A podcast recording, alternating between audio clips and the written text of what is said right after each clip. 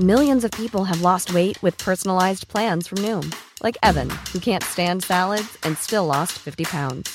Salads, generally, for most people, are the easy button, right? For me, that wasn't an option. I never really was a salad guy. That's just not who I am. But Noom worked for me. Get your personalized plan today at Noom.com. Real Noom user compensated to provide their story. In four weeks, the typical Noom user can expect to lose one to two pounds per week. Individual results may vary. Hiring for your small business? If you're not looking for professionals on LinkedIn, you're looking in the wrong place. That's like looking for your car keys in a fish tank. LinkedIn helps you hire professionals you can't find anywhere else, even those who aren't actively searching for a new job but might be open to the perfect role. In a given month, over 70% of LinkedIn users don't even visit other leading job sites. So start looking in the right place. With LinkedIn, you can hire professionals like a professional. Post your free job on linkedin.com slash achieve today. Du lytter til en podcast fra Third Air.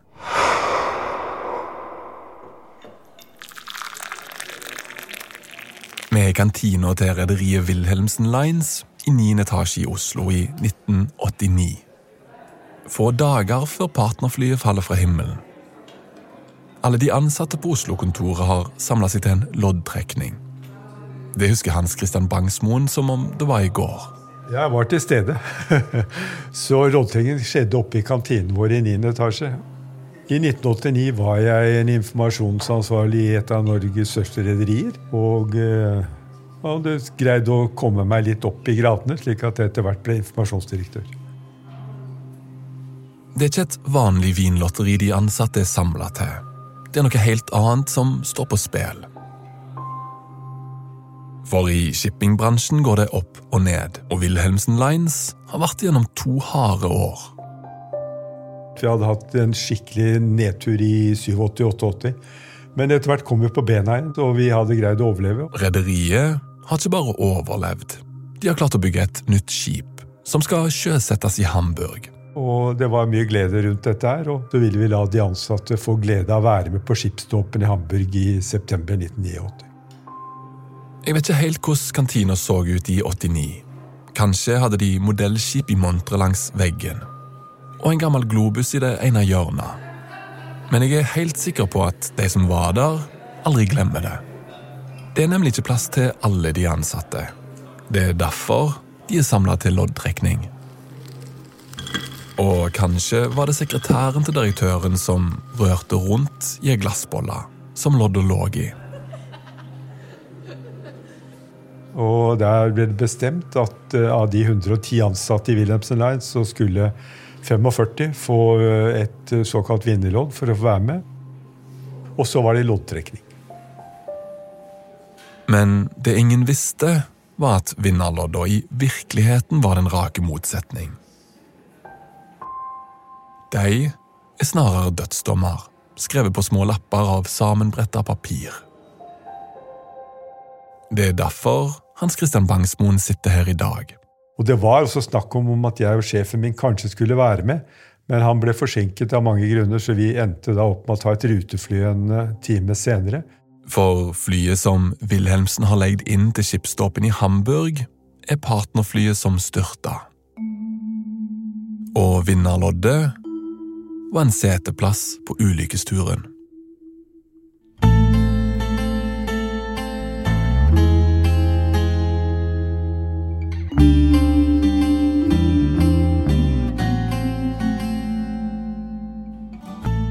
I forrige episode af Partnermysteriet kørte Lars Christian Øverland ind i et mærkeligt bakvendt land, og bilerne var under vand, og bådene lå på land. Han mødte Rolf Thoresen, den ene af ejerne af partnerflyet, der faldt fra hverandre og styrtede i havet i september 89. Det er pilotens ansvar, og han som har brutt seg på alle mulige måter i forhold til norsk luftfartsregler. Og det er ikke stilt ett spørsmålstegn ved hans fremferd og hvordan han opptrådte. Den officielle rapport fra Havarikommissionen fra 1994 og flere retssager slår alle fast, at Rolf Thoresen ikke har rett i det her. At jagerflyet ikke var skyld i ulykken. Allikevel er der en lille gruppe folk, der ikke kan slippe historien. Og en av dem, journalist Kåre Hundstad, har gitt Lars Christian en kasse med glemte intervjuer.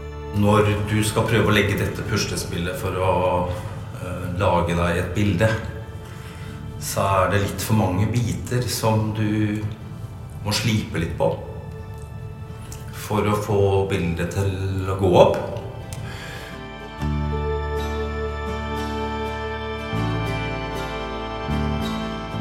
Og det er derfor, vi nå er nået til måske verdenshistoriens uheldigste vindere af et lotteri.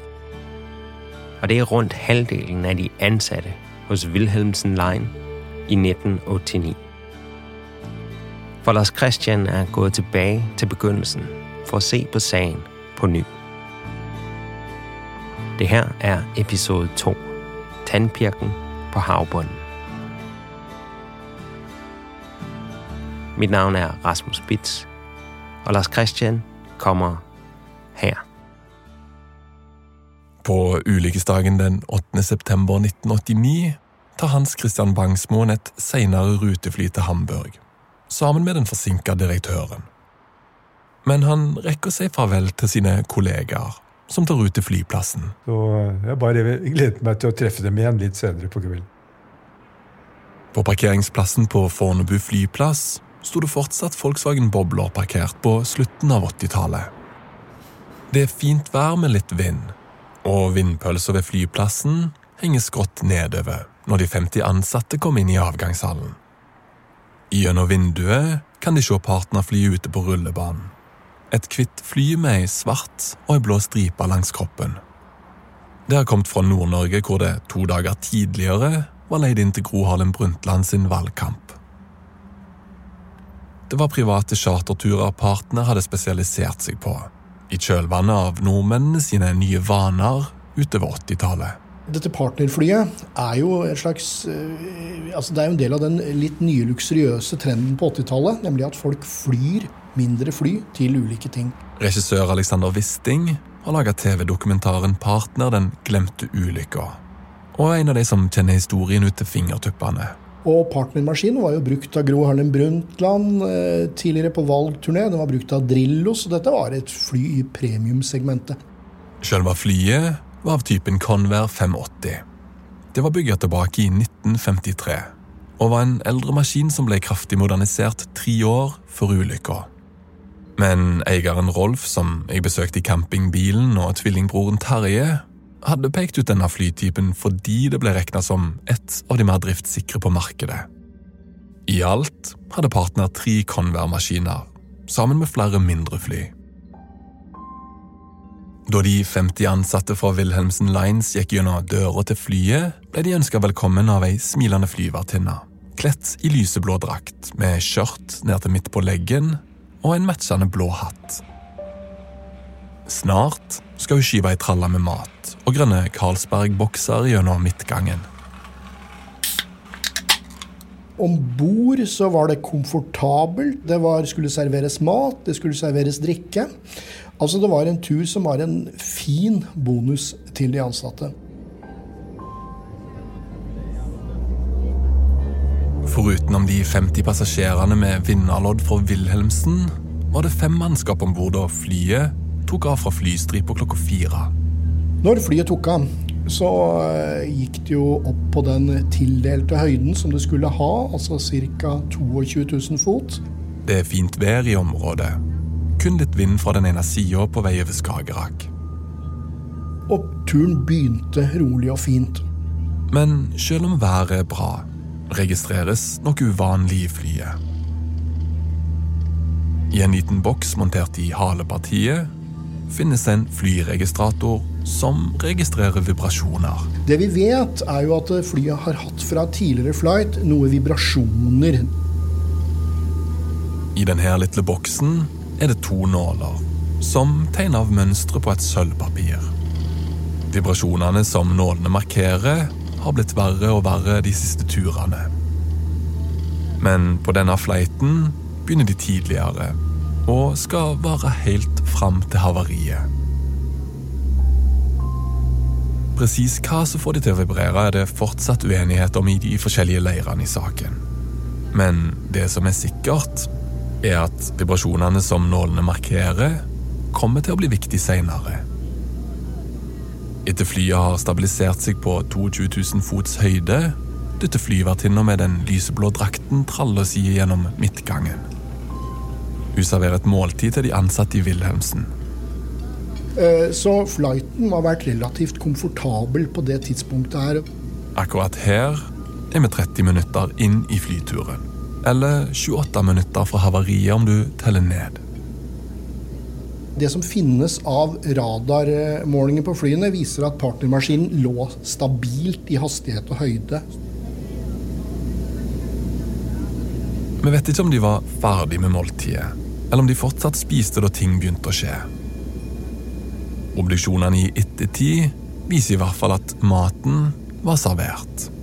Styrmannen var derimot ferdig med sitt måltid, og nå sitter han i høyre sete med en tannpirker mellom leppene. Mens flyet glir rolig gjennom dansk luftrom. Han sitter og fikler med en tannpirker i munnen, og alt er rolig. Det er ingen tegn til noe. Mens styrmannen sitter sånn og slapper av, kanskje lener seg tilbake i setet med tannpirkeren mellom leppene og ser utover Skagerrak, begynner flyet plutselig å oppføre seg rart. Før den plutselig gjør en brå kursendring vestover eller til høyre. Det som skjer her, må ha kommet overraskende på pilotene. Fordi styrmannen som nettopp slapp av etter måltidet, knekker plutselig håndleddet på flere steder. Det ble rett og slett knust.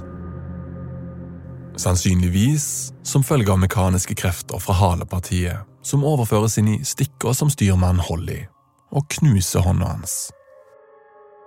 De her kreftene kan ikke komme fra noe de i cockpiten gjør. Det er langt mer voldelige ting som er i sving. Og sannsynligvis er det nå som hånda på rattet knuses at styrmannen svelger tannstikka, heil. Medisinsk er det omtrent umulig å svelge en tannpirker pga. brekningsrefleksene. Men nå er den på vei ned i magesekken, heil. Og så er det en annen ting som viser at de har blitt overraska. Det er vel 15 av eh, gjestene som er om bord fra Wilhelmsen, har ikke sikkerhetsselen på seg. Og det betyr at det må ha skjedd noe brått. Pilotene når ikke å varsle passasjerene om å ta på seg setebelte. Og nå er det ikke bare håndleddet til styrmannen det går utover. De voldelige kreftene som er i sving, begynner å rive flyet ifra hverandre. Etter at partnermaskinen endrer kurs, eh, så begynner det å gå raskt nedover. Halepartiet eh, løsner på, eh, på et eller annet vis. Flyet snur seg på hodet, og begge vingene knekker av samtidig. Uten vinger fortsetter flyet å falle mot havet mens drives i fillebeter. Og det går så raskt nedover at kraften i styrten er enorm.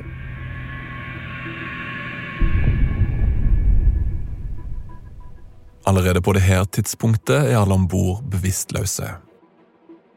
Det viser fravær av vann i lungene etter obduksjonene. Men nå går flyet i total oppløsning. Det her er så voldsomt at en kan høre det på land i Danmark. En vitneavhør går jo på at de hører nedfall, rett og slett. Rusing av motor og lignende. Så det er klart noe, det har vært en voldsom dramatikk i luften de siste minuttene av partnermaskinens liv. Til slutt treffer flyet havflaten nord for Hirtshals. Og ulykka er et faktum. Uomtvistelig.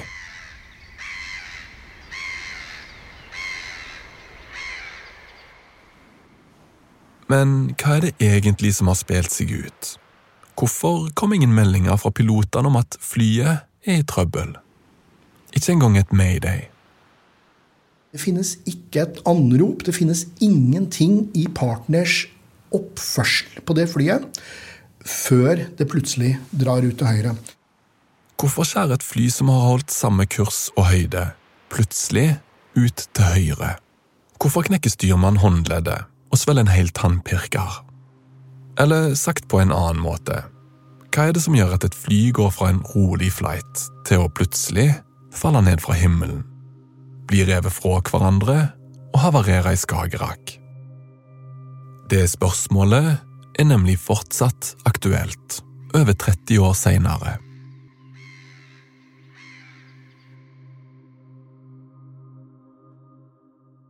I mellomtida har ruteflyet med informasjonsdirektøren til Wilhelmsen Lines, Hans Christian Bangsmoen, og direktøren landa trygt i Tyskland. De to vet ingenting om dramatikken som har spilt seg ut i Skagerrak. Vi kom ned til Hamburg eh, og dro til hotellet for, å, for eventuelt å møte de andre. Inne i lobbyen på hotellet er det ikke kollegaene som møter Hans Christian, men en journalist i tårer. Der møtte jeg faktisk en gråtende journalist fra Aftenposten som hadde fått en melding da om at flyet var savnet, og at det sannsynligvis kanskje var skjedd en ulykke. Det var et støkk av en beskjed å få der og da. Første er en sånn nærmest uh, fornektelse. Ikke sant? Ikke, talen kan ikke være riktig, det må være helt annet, noe annet. It's that time of the year. Your vacation is coming up. You can already hear the beach waves, feel the warm breeze, relax, and think about work. You really, really want it all to work out while you're away. Monday.com gives you and the team that peace of mind. When all work is on one platform and everyone's in sync, things just flow wherever you are. Tap the banner to go to Monday.com. would you like to look five years younger? In a clinical study, people that had volume added with Juvederm Voluma XC in the cheeks perceived themselves as looking five years younger at six months after treatment. Look younger, feel like you. Add volume for lift and contour in the cheeks with Juvederm Voluma XC. Reverse signs of aging by adding volume to smooth laugh lines with Juvederm Volure XC. For important safety information and to find a licensed specialist, visit juvederm.com. That's J U V E D E R M.com. Not for people with severe allergic reactions, allergies to lidocaine, or the proteins used in Juvederm. Common side effects include injection site redness, swelling, pain, tenderness, firmness, lumps, bumps, bruising, discoloration, or itching. There's a risk of unintentional injection into a blood vessel, which can cause vision abnormalities, blindness, stroke, temporary scabs, or scarring. Talk to a licensed specialist to find out if it's right for you. Many of us have those stubborn pounds that seem impossible to lose, no matter how good we eat or how hard we work out. My solution is PlushCare. PlushCare is a leading telehealth provider with doctors who are there for you day and night to partner with you in your weight loss journey. They can prescribe FDA-approved weight loss medications like Wagovi and Zepbound for those who qualify. Plus, they accept most insurance plans. To get started, visit plushcare.com slash weight loss. That's plushcare.com slash weight loss. I'm Sandra, and I'm just the professional your small business was looking for. But you didn't hire me because you didn't use LinkedIn jobs. LinkedIn has professionals you can't find anywhere else, including those who aren't actively looking for a new job, but might be open to the perfect role, like me. In a given month, over 70% of LinkedIn users don't visit other leading job sites. So if you're not looking on LinkedIn, you'll miss out on great candidates like Sandra. Start hiring professionals like a professional. Post your free job on linkedin.com/achieve slash achieve today. Hans Christian ringer shippingagenten til Wilhelmsen, som bekrefter det han forsøker å benekte. Og han fortalte at eh, flyet var savnet, men at det sannsynligvis var eh, falt ned. Og da får man litt rare følelser. Og så er det en eh, erkjennelse at kanskje har det skjedd. Men den umiddelbare følelsen av sorg er ikke det eneste han nå må håndtere. Informasjonsdirektøren vet at det blir han som må informere både etterlatte og pressen. Så Det er som hele systemet snur seg rundt og, og innstiller seg på at her kommer det da en vanvittig oppgave å skulle stå uh, og møte presse ut fra hvis dette var en virkelig ulykke. Så rasjonalitet, uh, den, den, den slår litt i hjel akkurat de der vonde følelsene med en gang, faktisk. Hans Christian og direktøren setter seg på det første flyet tilbake til Oslo. De vet at når de lander på Fornebu, så blir det til blitsregnet fra kameraer og spørsmål fra journalister. Vi hadde den flyturen på ca. en time, hvor vi begge to satt det første kvarteret og tenkte og, og gråt litt og hadde det veldig vondt. Og så var det tre kvarter med faktisk jobbing med hva gjør vi nå. Så vi var sånn mentalt forberedt på at vi ble møtt av pressen, og vi ble møtt av en fryktelig vanskelig situasjon. I ei utklippsbok har han tatt vare på medieoppslagene fra da de landa. Det, der er du i lys dress, svart hår. Vi var jo dresset for eh, middag vi på, i Hamburg ikke sant? og var klare for det. Dagbladet lørdag 9.9.1989 skulle vært med dødsflyet. Jeg skulle vært med ulykkesflyet, men det var ikke plass. Derfor tok jeg ordinært rutefly til Hamburg. Ja Samtidig som nyheten sprer seg og Hans Christian fordøyer det han nettopp har vært med på, flyter vrakdelene fortsatt rundt i havet, nord for Hirtshals. Det husker Eivind Pedersen, journalisten som ble sendt ut i et lite fly for å ta bilde av ulike steder i episode 1. Hirtshals Eivind, eh, i hvert fall den gangen, var en veldig travel og aktiv eh, fiskelandsby. Det var jo mange av disse fiskerne som da gikk ut og, og deltok i, uh, i, i letinga og i, i aksjonen. Flere militærskip har allerede kommet til. Deler av flyet har sunket til bunns, mens andre vrakdeler og omkomne ligger spredt over et større område. Og her kommer kunnskapen til de lokale fiskerne godt med. De tar utgangspunkt i hvilken vei havstrømmene driver, når de posisjonerer seg og kaster ut garnene sine. De kom jo inn igjen med, med funnene sine, og det var, eh, det var både vrakgods og det var, det var eh, døde kropper. 31 av de omkomne ble funnet i vannskorpa, og identifisert den første tida etter ulykka. Jeg ser jo fortsatt for meg TV-bildene fra fiskemottaket i Hirtshals, der kroppene ble kjørt inn på, kjørt inn på kjølelageret. Til fiskemottaket? På fiskemottaket.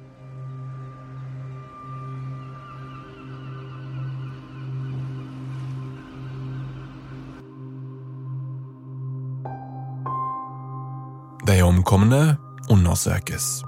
Med det kommer også noen av de første svarene. Obduksjonene viser ingen tegn til indre eksplosjon eller brann i flyet. Det blir heller ikke funnet spor etter medikamenter eller alkohol hos noen av de fem besetningsmedlemmene. Viktige spor som ikke er tydelige svar, men det motsatte. De forteller hva en kan utelukke, og det en fokuserer videre på, har nå snevra seg inn. Men på det her tidspunktet er det ingen som sitter med noen tydelige indikasjoner på hvorfor flyet falt fra himmelen. Ja, det virka ut som det at dette var et uh, Det var et uh, mysterium. 18 omkomne til ble funnet de neste ukene. Flere av de som hadde setebelte på, ble funnet på havbunnen.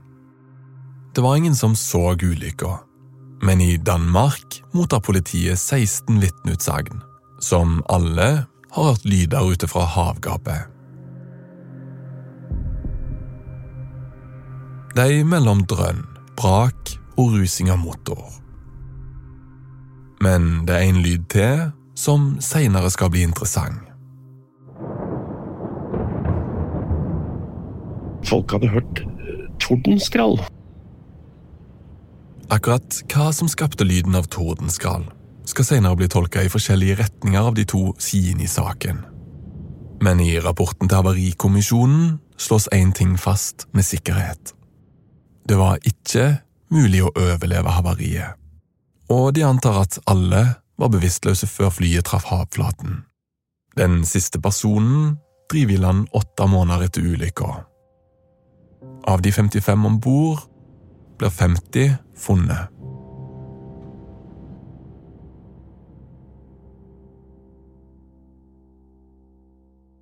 Tilbake i Oslo forsøker Hans Christian Bangsmoen å håndtere den nye hverdagen.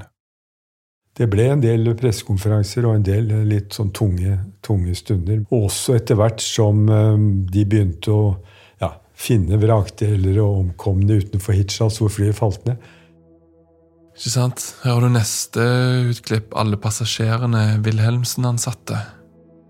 Det var 50 stykker om bord på flyet. Totalt hadde det selskapet da 110 ansatte, og det var 50 stykker som faktisk omkom. Mellom pressekonferansene får han noe litt tid for seg sjøl. Jeg hadde mine gråtestunder jeg, innimellom hvor jeg ble sittende alene litt, og hvor tingene bare eh, rant over. Eh, og det var greit å få ut der og da. Usynlig, kan du si. Det er ikke bare journalister som skal ha informasjon, eller pårørende som skal følges opp. Ulykka har vært utilgivelig, og for de ansatte som overlevde. Denne litt tilfeldigheten, ikke sant, at det var loddtrekning som avgjorde dette, her, som gjør ting ekstra vanskelig. Og det var også faktisk et forhold hvor en av disse som da vant, uh, var drittlei av å bruke weekender og reise rundt omkring, og han ga det bort til en ung kar som var nygift. Halvparten av Oslo-kontoret til Wilhelmsen var på flyet. De som er igjen, må nå forsøke å redde firmaet. Et kontor hvor jeg gikk, gikk dagen etter, der skulle det normalt sitte fire. Der satt det én. Og han skulle sitte der aleine og sitte og se på disse tomme uh, maskinene og begynne å lete i skuffer og skap for å se hva han kunne dra i gang. Så det var en enorm belastning, ikke bare på de pårørende, men også på de ansatte, som av tilfeldige grunner ikke var med det flyet. Og så er det de som ikke fikk egen. Det var faktisk fem stykker som ikke ble funnet. Da. Så vi hadde da også en minnestund ute på området hvor flyet falt ned, med, med, de pårørende, også for å markere det at det var ikke alle som kom hjem og fikk sine gravsteder. På utsida av kontorlokalene til Wilhelmsen preger nyhetsbildet i Norge de neste ukene. I avisene kan en lese stadig nye detaljer om ulykkesflyet, om informasjonsdirektøren som skulle ha vært med om bord, og om etterlatte som sørger. Det er jo nå Gro Harlem Brundtland bryter ut i gråt under minnetalen i den TV-sendte begravelsen. Vi vet at våre ord ikke kan bli annet enn bleke gjenskinn av det dere kunne trenge.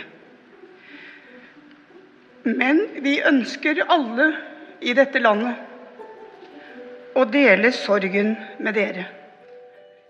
Men midt i alt det her er det én ting som forsvinner i bakevja. Selve grunnen til at det fortsatt hersker usikkerhet rundt ulykka, nemlig det siste vitnet til partnerflyet før det havarerte. Husker du jagerflypiloten som hadde den merkelige samtalen med kontrolltårnet i Oslo? Han som bryter inn i en annen samtale og spør flygelederen om han hadde kontroll på partnerflyet som kom rett i trynet på han. Selve oppkallet skjer klokka 16.30 ulykkesdagen. Åtte minutter før betaen av det oppbrutte partnerflyet treffer havflaten. Ja, du visste at hadde en nødland som kom rett på trynet? Det her får meg til å tenke på det Kåre Hunstad sa. Journalisten som ikke klarte å legge saken fra seg. Han som plukka meg opp i den røde bilen og ga meg de gamle opptakene han hadde. Da jeg spurte hvorfor han aldri klarte å slippe saken, svarte han at det er litt for mange av bitene en må slipe på for å få bildet til å gå opp. Se Jeg finner fram kassen med opptak jeg fikk fra Kåre.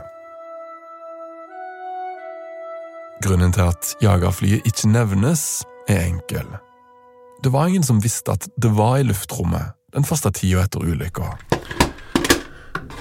Se Svensk flygeleder Advokat Winters I hvert fall ingen av journalistene som laga nyhetssaken om partnerflyet.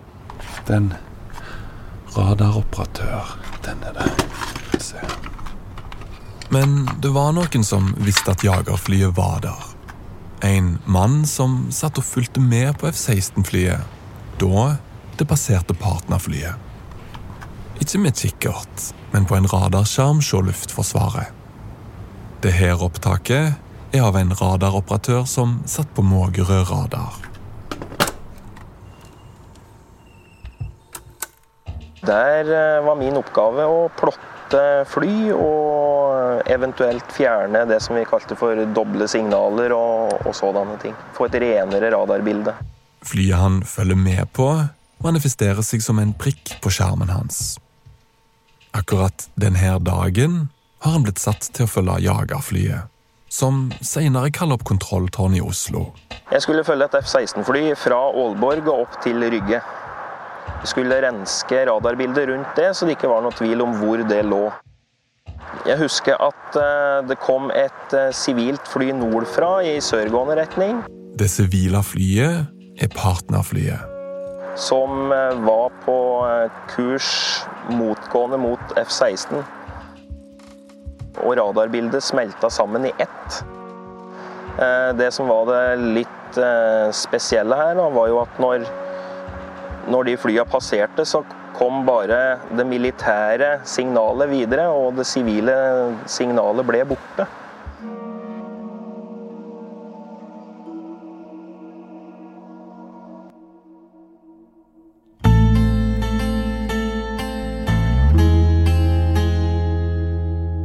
En lille prik, der forsvinder på en skærm.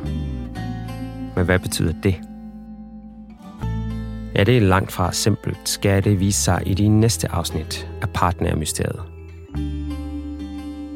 Og den, altså serien, er taget op, skrevet og produceret af Lars Christian Øverland. Klip og lyddesign er mig. Jeg hedder Rasmus Spitz. Lydmix er af Anne Opel.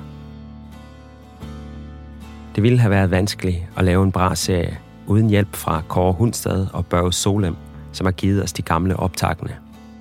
Og ikke mindst Eivind Pedersen, som har delt vigtig kildemateriale samlet over flere ti år. Eksekutiv producent på 30 er David Mer og ansvarlig udgiver er Martin Jonsson.